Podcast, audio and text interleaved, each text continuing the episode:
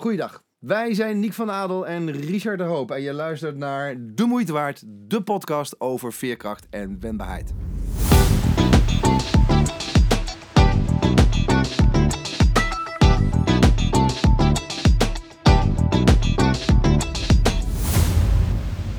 Welkom bij De Moeite Waard podcast. Heb jij voor elk probleem een oplossing? Of voor elke oplossing een probleem? Richard en ik onderzoeken deze week waarom denken in oplossingen een belangrijke eigenschap voor veerkrachtig en wendbaar zijn in het leven. En ja, wie wil dat nou niet? Maar als ik mijn vrouw moet geloven, dan moet ik minder in oplossingen aandragen en meer luisteren. Dus klopt die stelling eigenlijk wel? We onderzoeken het, praten hierbij, zodat jij nog beter om kan leren gaan en veer tussen haakjes krachtiger in je leven komt te staan. Geniet! Niek, goed nieuws. Goed nieuws. Ik vind sowieso, uh, ja, jouw, uh, jouw intro is weer heerlijk. Ik ben weer helemaal uh, mooi opgelost. Inderdaad, zeker ook dat ik kan meteen aansluiten bij het feit dat ook Jacqueline vindt dat ik beter moet luisteren dan oplossen. misschien, misschien is het een man- en vrouwen dingetje. Kans. misschien ook leuk voor de luisteraars om daar alvast even op te reageren. Um, maar goed nieuws. We beginnen altijd met goed nieuws. Dus wat is jouw goede nieuws? Het goede nieuws van deze week. Nou, wij zijn uh, onlangs met het hele team van, uh, van Heartbeats. En daar heb je over gehoord in de afgelopen podcast. Zijn we een weekendje weg geweest naar de Ardennen. En het was voor mij een ongelooflijk bijzonder weekend. Het was de eerste keer dat we met het hele team weg waren. We hebben uh, kampuurtjes gestookt, pizza gebakken, gemediteerd, gedanst, gehost, goede gesprek gehad. We hebben van, van alles gedaan. En uh, waarom is dat nou zo goed nieuws? Omdat dat voor mij echt weekenden zijn waarop ik totaal, maar echt totaal oplaad. En me mogen omringen met zulke mooie mensen in een omgeving buiten in de natuur. Ja, doet me wel weer realiseren dat als ik dat nog net iets vaker doe, of daar nog net iets vaker bij stilsta, dat ik dat echt, dat, dat laat echt letterlijk de accu op.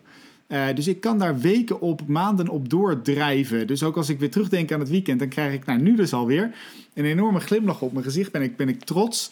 En uh, ja, dat, dat wilde ik nog even delen. Ja, goed, je was er zelf bij, Richard. Dus je bent onderdeel ja. van, het, van het goede nieuws, toch? Ja, nee, geniaal. En het mooie was, uh, jij gaf ons een opdracht. En die opdracht die was, dat is ook meteen mijn goede nieuws. Hè. Uh, ja, de opdracht was, en die vind ik echt geniaal, dat uh, we moesten allemaal onze naam op een kaartje schrijven. Die ging in een, in een bakje. En dan vervolgens oh, ja. moest iedereen ehm, een, een naamkaartje trekken. Niet, niet van jezelf. Zo zeg maar een soort van Sinterklaas, maar dan anders.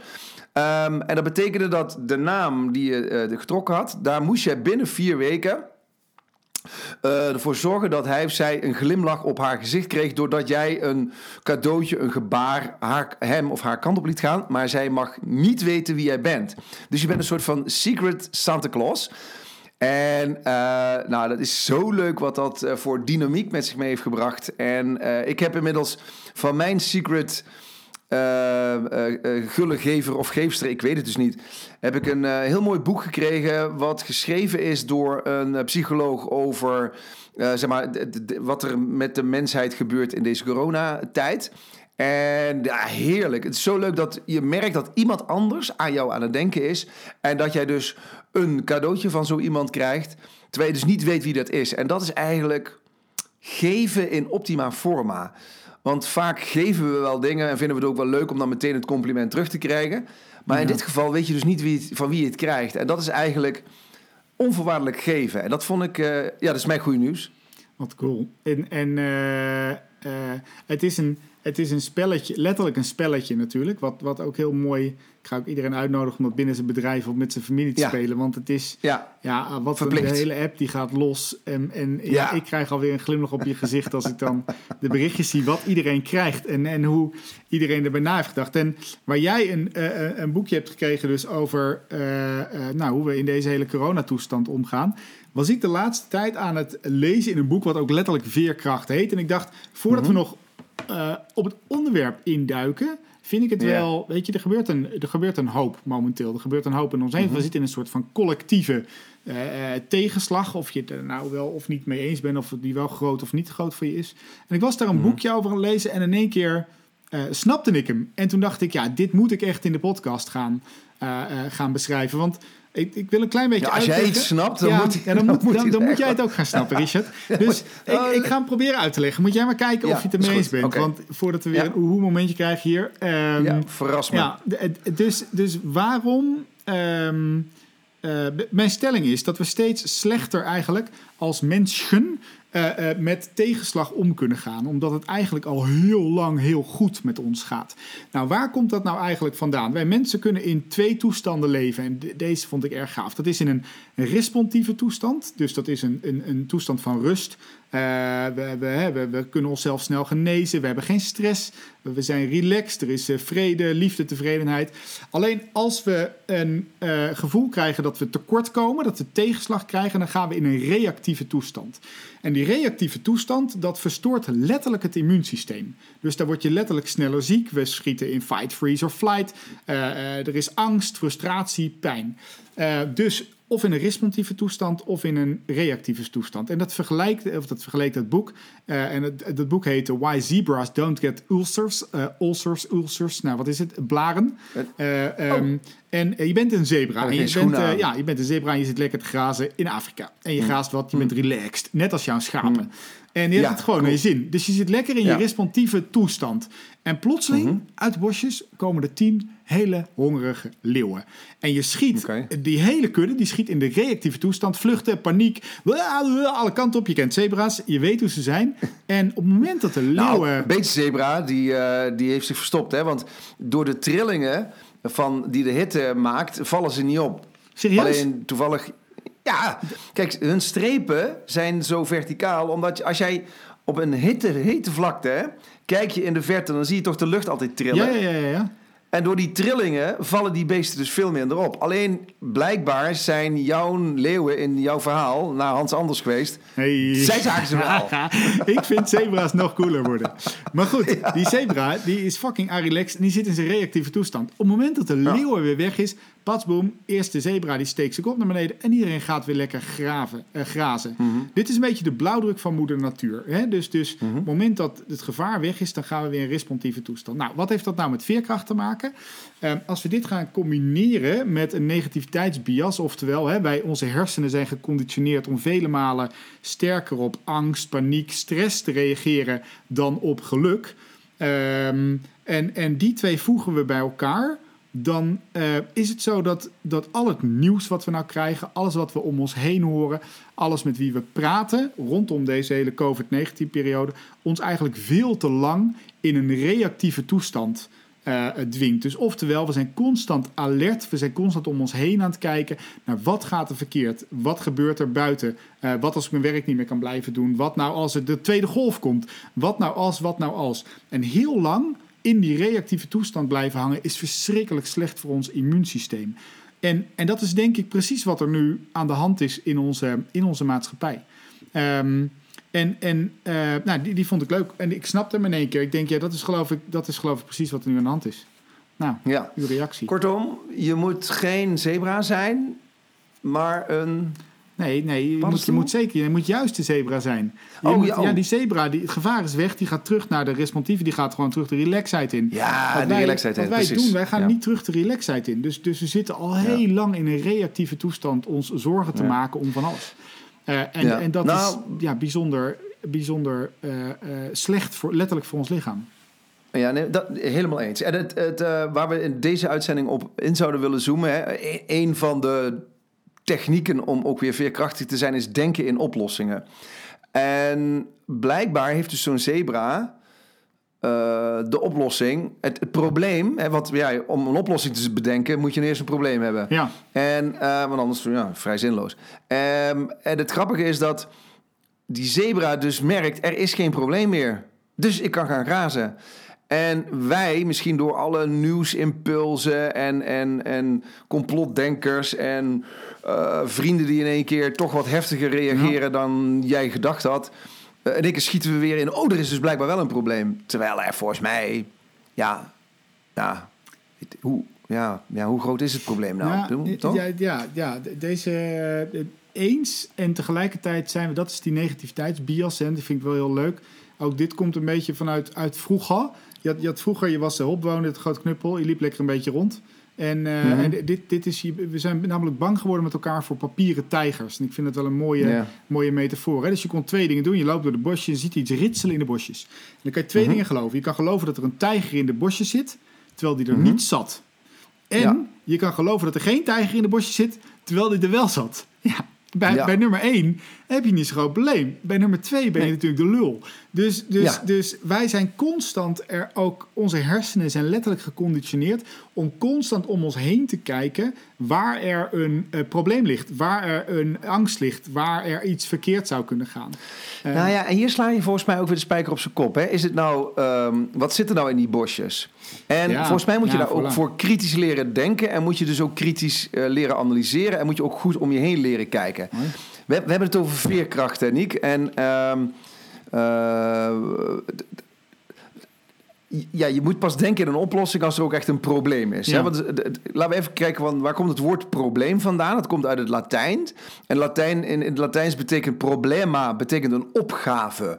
Dus er moet wel een opgave liggen. En eh, volgens mij zijn we op dit moment heel vaak dingen eh, aan het oplossen... of worden we opgeschrikt door dingen die helemaal geen opgave zijn. Ehm het, het, het, het- kijk, als je het mij vraagt, is het zo dat wij. Tenminste, ik, als ik naar mezelf kijk. Ik ben eh, eh, van de generatie. Hoe heet dat ook weer? Ik ben, een- Oud, ik ben, de generatie oud, Juist, toch niet? Ja, ja. ja, die, Ja, die. ja. Zeg maar 19 1961. Dus dan ben je net geen babyboomer meer, maar lost generation, weet ik veel. Ehm, en als ik nou kijk wat ik op de middelbare school en ook daarna aan lessen kritisch denken heb geleerd, dan denk ik, ja.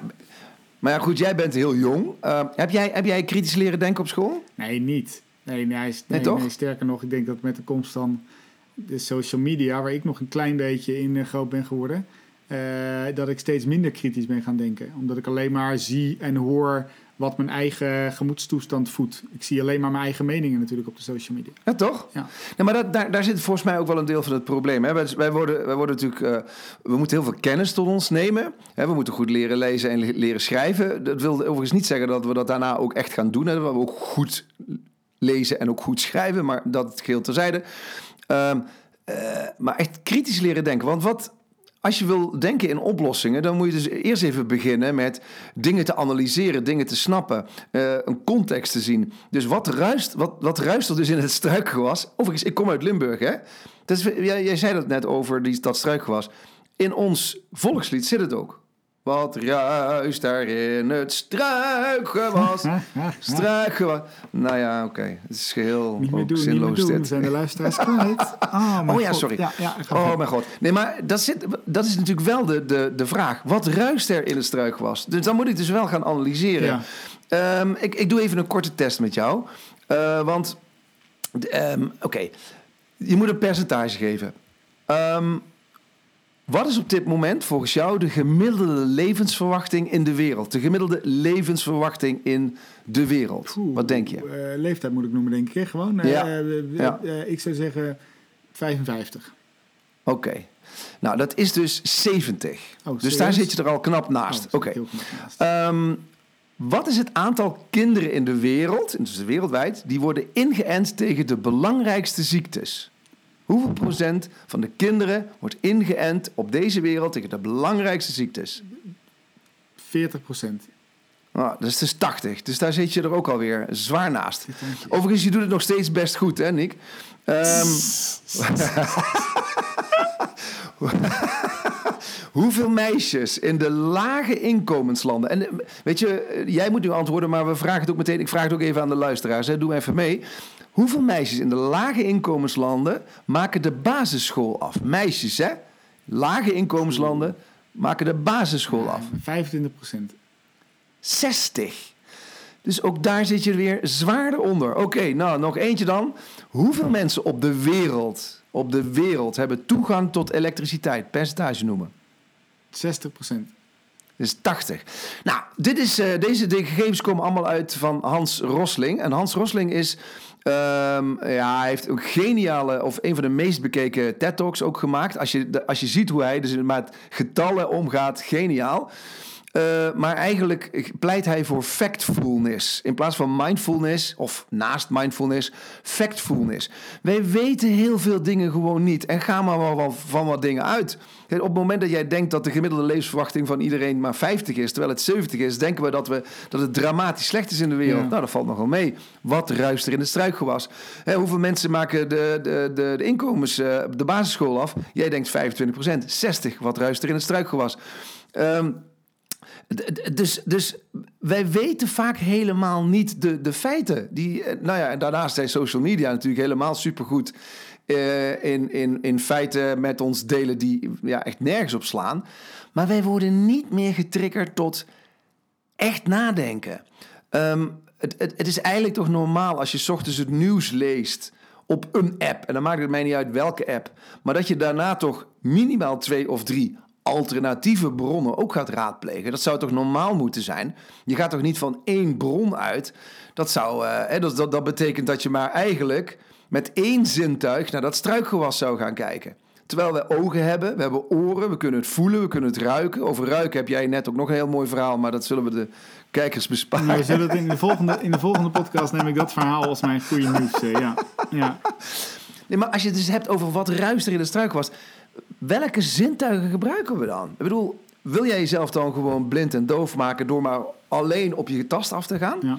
Wil, je, wil je dan je olfactorenvermogen, je reukvermogen, wil je dat dan maar gewoon uitschakelen door maar op één nieuwszender, op één feitje aan te gaan? Ik vind dat, ja. Dus wij leren niet meer om kritisch te denken, kritische vragen te stellen.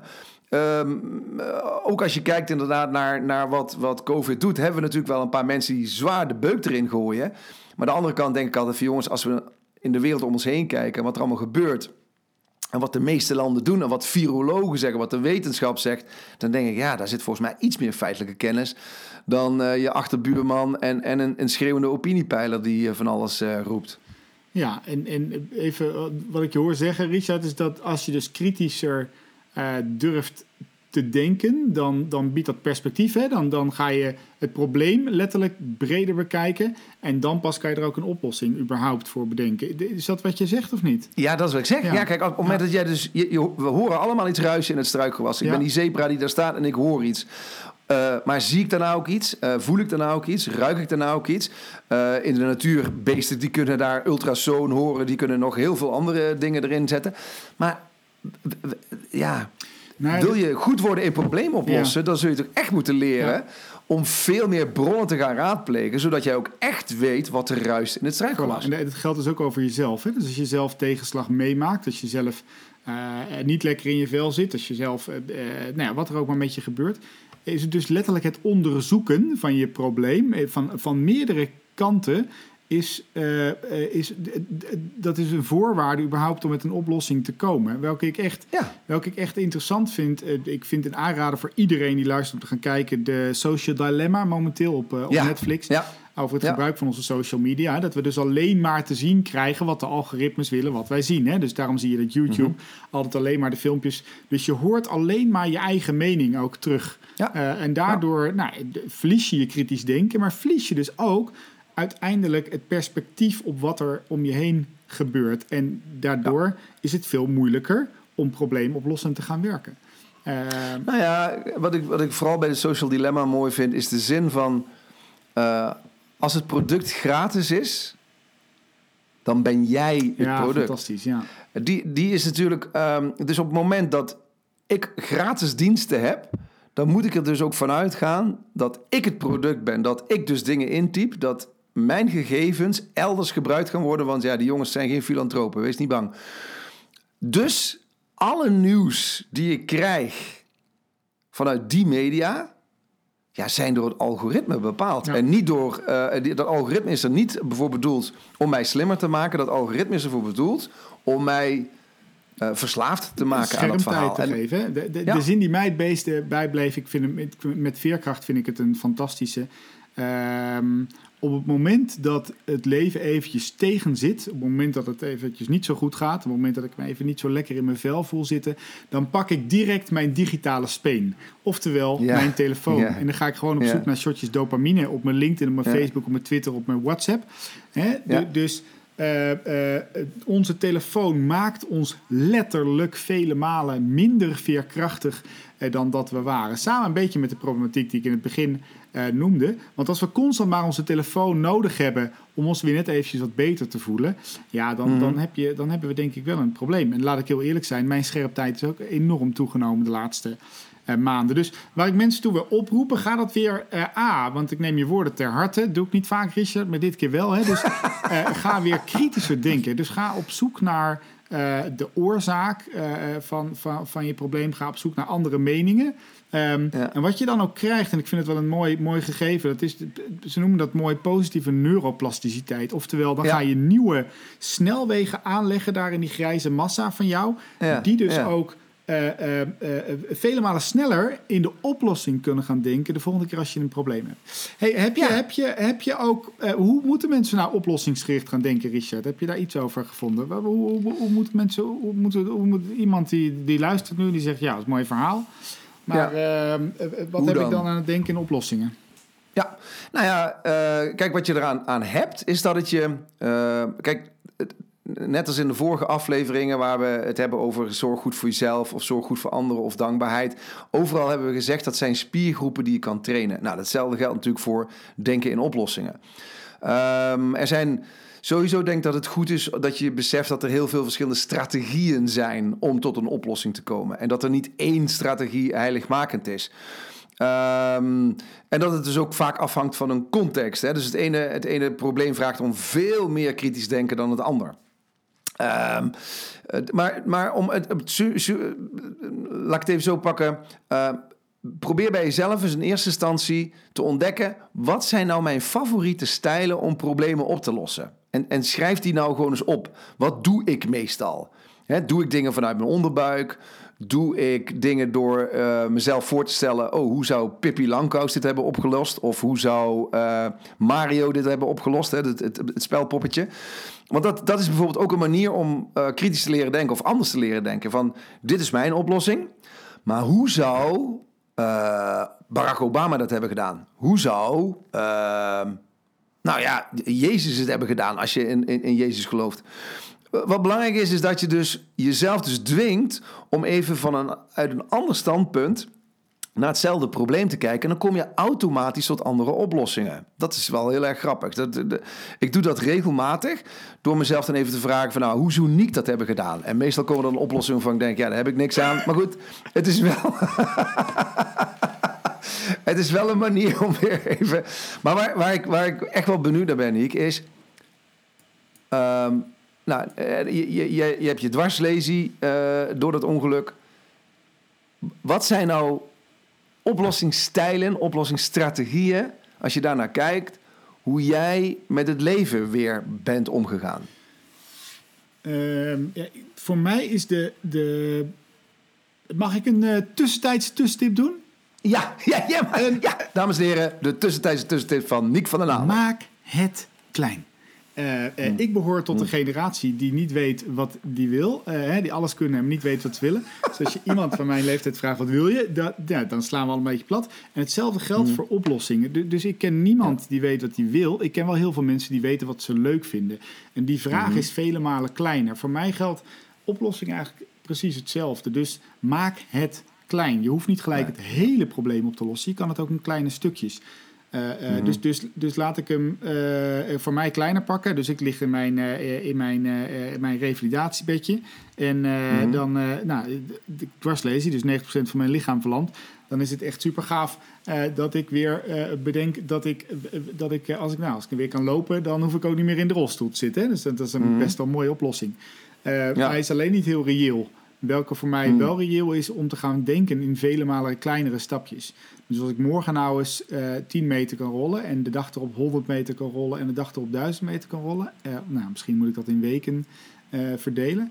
Ehm, dan, maak ik het, ehm, dan maak ik hem veel kleiner en daardoor ook behapbaarder. En dan bij het proeven van successen geeft het me weer enorm veel energie om door te gaan. En, en eigenlijk gebruik ik die strategie nog steeds. Of dat nou over mijn eh, zenuwpijn gaat. Of dus een kleinere oplossing zoeken. Dus niet het hele probleem van mijn zenuwpijn. Maar kan ik een stukje oplossen? Nou ja, ik kan bijvoorbeeld nu beter met mijn agenda omgaan. Ik kan, eh, als ik me niet zo lekker voel, buiten gaan lopen met Joep. Hè, met die, die Mhm, ADHD-hulphond van mij. Of ik kan... eh, eh, weet ik veel, een goed gesprek hebben met een vriend. Dus Mhm. als ik in die oplossingen ga denken, dan wordt het probleem voor mij ook vele malen behapbaarder. Eh, eh, d- d- dat, is mijn, dat is mijn grootste tip die ik mensen zou kunnen geven als ze oplossingsgericht ehm, eh, moeten gaan denken. Dus eerst, en die, die neem ik wel mee uit jouw verhaal net, daadwerkelijk het probleem analyseren door kritisch te kijken Mhm. naar verschillende dingen. En dan hem klein maken. Maak het klein. Ja. Ja. Ja. Ja, Jan van Zetten, die zegt, een spreker, een goede collega van ons, die zegt ook altijd: Als je zware dingen te zwaar maakt, zijn ze ook niet meer te tillen. Ja, die vind ik ook geniaal. Prachtig. ja, toch? Ja, ja, Jan die zegt meestal heel veel dingen die ik niet begrijp, maar de- deze die begrijp ik wel. Ja, toch? Ja, ja, ja, Ja, die is- die is- hij is echt super mooi. erg Super mooi. Ja. Hey, en, en, en jij, wat, wat, eh, wat zou jij nog als, eh, nou ja, wat, wat zou je als tip of wat zou je als, wat is jouw manier van, van, van eh, eh, oplossingsgericht denken? Of helpt het je of juist niet? Ja, nou ja, ik, ehm, ehm, ik, ik- dat weten sommige luisteraars inmiddels ook al. Wat een, een van mijn eh, ehm, thema's waar ik veel in mijn leven mee bezig ben, is samenwerken. En ik, ik vergelijk samenwerken dan ook met muziek maken, want dat vind ik dan gewoon helemaal top. Ehm, en ik vergelijk karakters van mensen met muziekinstrumenten. En ieder instrument klinkt anders, net zoals karakters van mensen anders zijn. Ik zelf ben iemand die graag het trompetje speelt. Oftewel eh, iemand die eh, vrij gemakkelijk dingen wil doen. eh, snel wordt uitgedaagd, veel prikkels nodig heeft, eh, makkelijk connecties maakt.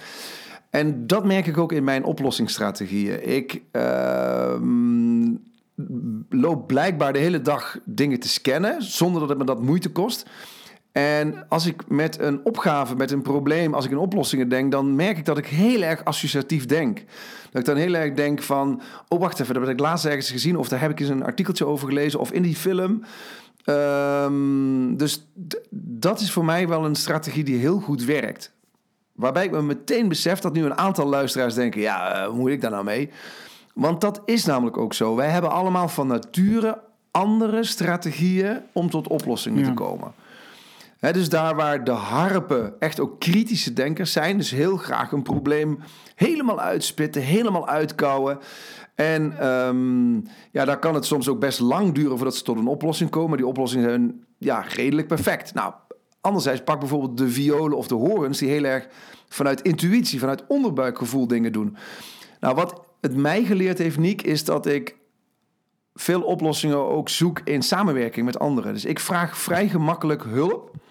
Eh, ehm, ik zie dat nooit als falen. Ik zie dat ook niet als een zwaktebod. Omdat ik ook zie dat andere mensen eh, iets anders heel goed kunnen, wat ik op dat moment nodig heb.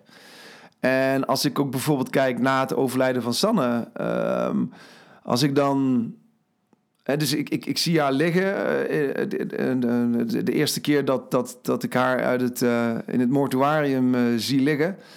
Ehm, zie ik dat, dat zij een, een, een bandje nog om heeft, het elastiekje nog om heeft. Zij was als, vroeger als klein kind al, dan had ze altijd zo'n elastiekje, weet je wel, deze dan de haren mee samenbinden. En dat elastiekje, nou, dat, dat zag ik nog steeds om haar pols. En eh, inmiddels had ik, ja, de- had, ik ook al bedacht dat eh, ik iets bijzonders wilde doen bij haar eh, eh, crematie. En eh, ik wist dat ze ook een enorm feestbeest was. En dat bandje was, werd voor mij toen onmiddellijk een, een, een, een teken van... eh, lieve schat, we gaan hier iets, een bandje maken. En dat bandje gaan we aan iedereen geven die op die crematie komt. Want dat wordt een soort van festivalbandje. Weet je wel, bij- bij de meeste festivals krijg je zo'n bandje. Ja, ja. Je ziet ook mensen die naar Lowlands gaan en dan een hele ritsen hebben van de, alle jaargangen dat ze, dat ze daar naartoe zijn gegaan. En dat mom- ik, ik zag het en op dat moment wam, kwam ook meteen de oplossing in mij, in mij binnen. Eh, dus dat is het associatieve. En meteen ben ik hulp gaan vragen. En toen hebben de vriendinnen van Jacqueline, die hebben met parachute touw, hebben die een vriendschapsbandje gemaakt. Dat wil zeggen, dat is een, een knoop, die kun je alleen maar met twee personen kun je die knoop dicht krijgen. En we hebben toen aan alle mensen die destijds op haar crematie waren, hebben we gevraagd of hebben we zo'n bandje gegeven. En die hebben ze toen twee aan twee hebben ze die allemaal omgedaan. En de vraag die ik toen stelde van jongens, ik wil namelijk eh, het probleem wat ik voor mijzelf wilde oplossen is dat eh, je moet niet aan Sanne denken ehm, alleen maar op droevige momenten. Het, zij heeft in de twintig jaar dat ze geleefd heeft, heeft ze juist enorm eh, geleefd. Zij, heeft, zij heeft echt eh, lekker gefeest, heeft goed gestudeerd, ze heeft hele leuke vrienden gehad, ze heeft seks gehad, ze heeft dronken geweest, ze heeft geleefd. En dat moeten we vieren. En dus vooral vanuit de oplossing van jongens, laten we het leven vieren. ehm, heb ik toen aan iedereen gevraagd van... als je nou ergens bent en je hebt dat bandje om... en je denkt op dat moment even aan haar... je, je- slaagt voor je examen, je bent op een mooi eiland, weet ik wat... maak dan een foto en stuur die even naar ons op. Of zet die op haar Facebook. En tot op de dag van vandaag krijgen we daar nog steeds prachtige foto's van... van mensen die ergens zijn en haar denken.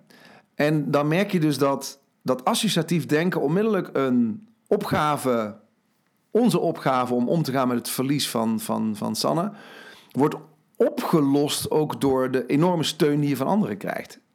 Dat vind ik, eh, ja, dat, dat, dat vind ik dat we dat vaak veel te weinig doen. Dat we veel te veel proberen alles maar zelf op te lossen. En je bent gewoon alleen niet in staat om de lastige dingen beter te pakken. Maar dat zal jij denk ik niet anders hebben. Nou ja, dus de, de eens en, eh, en ik heb het niet anders. Nee, dus de les die ik daaruit leer is, je hoeft het niet alleen te doen. Hè? Ehm, nee. En dit is wel, wel mooi, want ik wil wel... Ik, ik ga aanhaken met een verhaal over bandjes. En eh, deze ken je ook eh, nog niet van mij. Kijk, ik ben, ben samen met, met Arjen Banach ben ik een boekje aan het schrijven. Dat heet Zet de patiënt op 2. Eh, en daar hebben we een heel stuk in. Uh, ga van de koffieklager naar de theetoaster. Hè? Want wij zijn, als je Nederlanders een kop koffie geeft, dan zijn we ook heel goed in klagen. En ik geloof dat het tegenover mhm. van klagen denken ook in oplossingen is. Naar het positieve kijken. Kevin Weijers, collega spreker van ons, die, die zegt daar ook wel het mooi in. Eh, dus, dus bedenk niet altijd, ga niet altijd nadenken over de uitkomst, maar ga gewoon experimenteren. Ga het gewoon doen. En dus, dus, dus als, je een, als je denkt in oplossingen. Overigens, dat is ook een, dat is ook een oplossing, hè? Experimenteren is ja, ook een... ja, ja, ja, mega. Absoluut, Mega. ja. En, en eh, Ja. ja. dus in plaats van het hele plan uitdenken, de uitkomst, daar een aantal KPI'tjes aan hangen, ga het gewoon doen. Eh, Ga het gewoon experimenteren. Nou, en zo kwam ik afgelopen week. Eh, eh, ik- ik- Het afgelopen jaar, eh, heb ik hier wel wat over verteld, ben ik wel bezig geweest met het afbouwen van mijn pijnmedicatie, wat eh, heel erg eh, goed gelukt is. En dat, Mhm. dat, dat betekent nu dat ik niet meer rook, eh, eh, niet meer drink, bijna geen pijnmedicatie gebruik. Dus op het moment dat ik nu pijn krijg, dan heb ik een ander kopingsmechanisme bedacht en dat heet de koelkast. En eh, dat, is een, dat is niet altijd een handig kopingsmechanisme. Mm, Ehm, En, en eh, ik, ik, eh, ik zat met die psychosociaal fysiotherapeut, daar hadden we het daarover. En ehm, wat, het, wat het voor mij altijd lastig maakt aan pijn is dat je het niet kan zien. Dus ik kan het ook heel moeilijk uitleggen. Mensen kunnen het ook niet Ja. begrijpen hoe hard ze ook hun best doen. En ik heb Nee. daar wel heel erg Nee. de behoefte aan. Eh, eh, omdat ik, ja, 9 van de 10 feestjes waar ik ben, wil ik eigenlijk weg omdat mijn armen te veel pijn doen. Of als ik weer eens een keer Mhm. eh, in een gesprek zit met iemand. Maar ik heb geen zin dat ik het altijd uit hoef te leggen. Ik wil alleen wel dat Mhm. mensen het zien. Toen zeiden ze, nou, ik heb ooit veel met kinderen gewerkt met chronische vermoeidheidsklachten. En die hebben op een gegeven moment zijn met bandjes gaan werken. Eh, die hadden een groen bandje als het heel goed met ze ging. Die hadden een oranje bandje als ze er een beetje tussenin hingen. En een rood bandje als het echt slecht met ze ging. En de regel was Ja. eigenlijk dat als ze binnenkwamen... dat ze niet uit hoefden te leggen hoe ze zich voelden. Maar dat, dat nou, stel wij zien elkaar... maar dat je wel even rekening met mij kan houden. hey, het gaat even niet zo goed met Niek. Mhm. En ze zat dat uit te leggen en toen, toen, dat raakte me echt enorm. Toen dacht ik, dit is echt, ik ga het dus ook echt doen. Dit is echt iets waar ik al tijden naar zit te verlangen. Eh, dat ik Mhm. dus ergens gewoon binnen kan komen en dat ik gewoon een rood bandje om mijn pols kan hebben. Ik niet uit Mhm. hoef te leggen dat ik, het, dat ik de pijn gewoon echt even niet trek. Maar dat mensen het wel van mij weten. En dat ze net even Mhm. rekening mee kunnen houden dat ik... Jij, jij doet dat altijd, Richard. Als wij elkaar zien, ben je altijd een van de eerste die vraagt... Niek, eh, kan ik even wat te drinken voor je pakken? Kan ik je altijd even ergens mee helpen? En dat hoef ik dan Mhm. niet te vragen. Daar kan je me altijd goed in aanvoelen op de een of andere manier. En ehm, eh, dus dat nog meer aan durven geven aan mijn omgeving. En dit was dus een hele ja, simpele, maar voor mij mega betekenisvolle oplossing voor een probleem Ja. wat ik momenteel ervaar. Nou ja, Ja. mooier dan dat kan ik je niet maken. En het heeft dus nog te maken met bandjes ook. Nee. Ja, nee, eh, bandjes zijn echt wat dat betreft... eh, nou ja, het, het zet je aan het denken. Het, het, het maakt een verbinding met elkaar. En dat is denk ik ook wat met denken in oplossen. eh, dus je hebt een oplossing. Door, door een bandje heb je een oplossing voor een probleem. Wat je niet altijd... ehm, wat je dus heel... Je ziet meteen wat er in het struikgewas ruist. Oké, Niek moet ik nu even ehm, eh, met rust laten. En dat is denk ik wel wat we veel meer met elkaar kunnen doen. Veel meer met elkaar kunnen doen, absoluut. Ja, Ja, Ja. heer, heer. ja mooi hè? Ik denk dat je ja. hem hiermee mooi samenvat, eh, Richard. En ehm, Ja, Ik heb, eh, heb je nog iets toe te voegen? Of eh, heb je Ja, gewoon... eh, nou ja, ik, ik heb er wel. Dadelijk gaan we nog een aantal tips geven. Ja. Maar ehm, wat, wat, wat, wat ik de mensen nog wel wezen willen geven is: jongens, ehm, weet je, problemen oplossen, dat doen we ook vaak niet om gewoon puur om- de angst om te falen. Nou ja, weet je, ehm, eh, ga maar gewoon lekker plat op je bek. Want als klein kind heb je daar nooit zorgen over gemaakt. En toen leerde je gewoon heel veel. Dus je, je ja, het- het- het- ik kom nog uit de generatie dat je gewoon in een boom mocht klimmen en dat je eruit flikkerde. eh, dat er een stuk van je tand af was. Dat er, eh, we hadden geen speelplaatsen met rubberen tegeltjes. Ik had geen eh, kinderzitjes. Ik ben ook een grote jongen geworden. Ik wil daar niet mee zeggen dat we alle veiligheid weg moeten halen. Maar ehm, kijk, in een volgende podcast gaan we het ook nog hebben over lijden, over accepteren. En bij problemen oplossen is hetzelfde. Niet alle oplossingen werken Nee, onmiddellijk. nee. Dat, daar gaan we steeds meer van uit. Hè. We willen allemaal short, shortcuts. Ik, dat is een hele tijd is dat ingewezen. Je had van die mannen die hadden overal shortcuts voor. Ja, het, het is prima, maar dat, dat, dat lijkt een beetje voor mij veel te veel op een pil. Douw er maar een pil in en je bent er van af. Als je iedere keer een pil erin flikkert, nou, dat jij bent daar het levende voorbeeld van, dan weet je op de duur, besef je van, ik word niet oud. Pijn is ook ergens goed voor. Een probleem hebben is ergens goed voor. Daar daagt je uit. Het is een opgave. Het is een gave. Dus het is iets wat je, waar, waar, waar je iets mee kunt doen. En laten we onszelf veel meer uitdagen om of wiskundige of natuurkundige of relationele of sportieve of biologische of zakelijke problemen op te lossen. Dat is gewoon leuk, man. Het is een feest, het is opgave. Woehoe.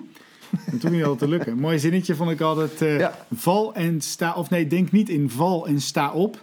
eh, eh, maar sta en val op. En val op. Ja, Ja, vind ik een ja prachtig. Vind ik een Prachtig. altijd.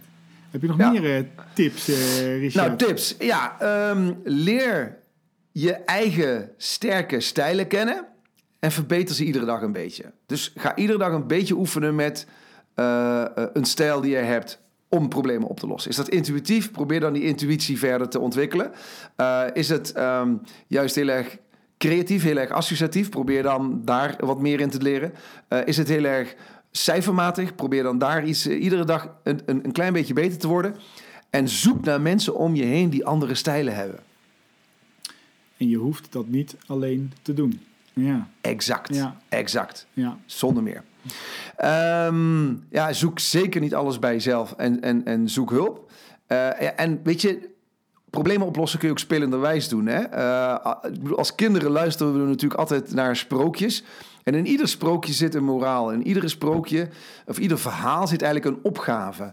En als je gewoon luistert naar, oké, hoe deed eh, de, de prins bij Sneeuwwitje dat? Hoe eh, deed de jager dat bij, bij Roodkapje? Hoe heeft Odysseus zijn, zijn problemen opgelost? Weet je, overal, er zijn op zoveel plekken strategieën te vinden... waardoor je je eigen denken kan aanscherpen, maar scherp het in ieder geval aan. Want kritisch denken hebben we helaas niet of veel te weinig geleerd... En hebben we wel kei en keihard nodig om veerkrachtig te zijn. Heer, heer. Heer, heer. Ehm, ik heb hele mooie punten gehoord, eh, Richard. Ja? Ja, nee, ja, nee, absoluut. En ik heb, ik heb eh, met name genoten van, eh, dus, dus wees kritisch denken. Je hoeft het niet alleen te doen. Maak het klein.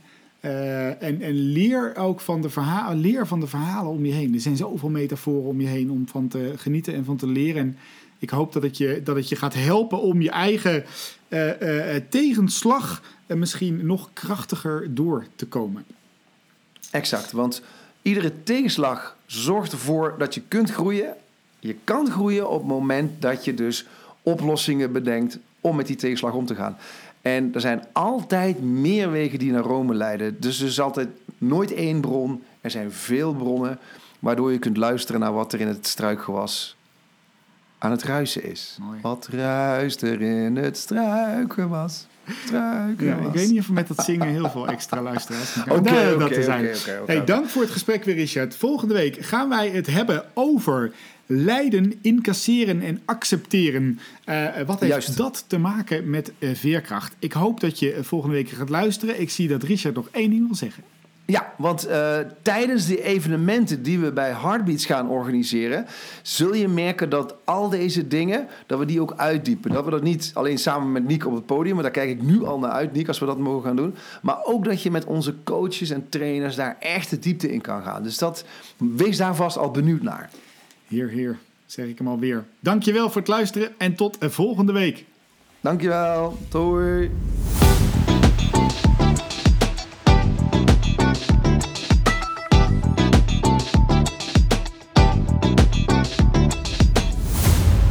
Kan jij niet wachten totdat wij elkaar weer live mogen zien tijdens een van de Heartbeats Festivals of de Game Changer Weekends? Uh, dan heb ik iets voor je. Dat heet The Resilience Road. Dat is een online programma waarin je nu in zes weken aan je veerkracht, wendbaarheid kan gaan werken. Dus zit je even niet lekker in je vel. Behoor je tot die anderhalf miljoen Nederlanders die gewoon moe zijn na deze hele corona-periode? Dan gaan we iets leren. Het coronavirus is er echter. De vraag of jij het ervaart als een coronacrisis zit in je hoofd. Jouw realiteit is niet wat er gebeurt, maar hoe je daarover denkt. We hebben opening webinars. We hebben zes uh, video's voor je, bonusmateriaal, inspiratie. Je krijgt een live coaching met één van onze experts om alvast kennis aan te maken. Een online community, een afsluitend webinar en heel veel meer. Ik hoop je daar te zien. Hij is nu op de website www.teamheartbeats.nl. Uh, uh, te bestellen. En daarin kan je de beste investering doen van je leven. En dat is de investering in je, jezelf. Tot dan!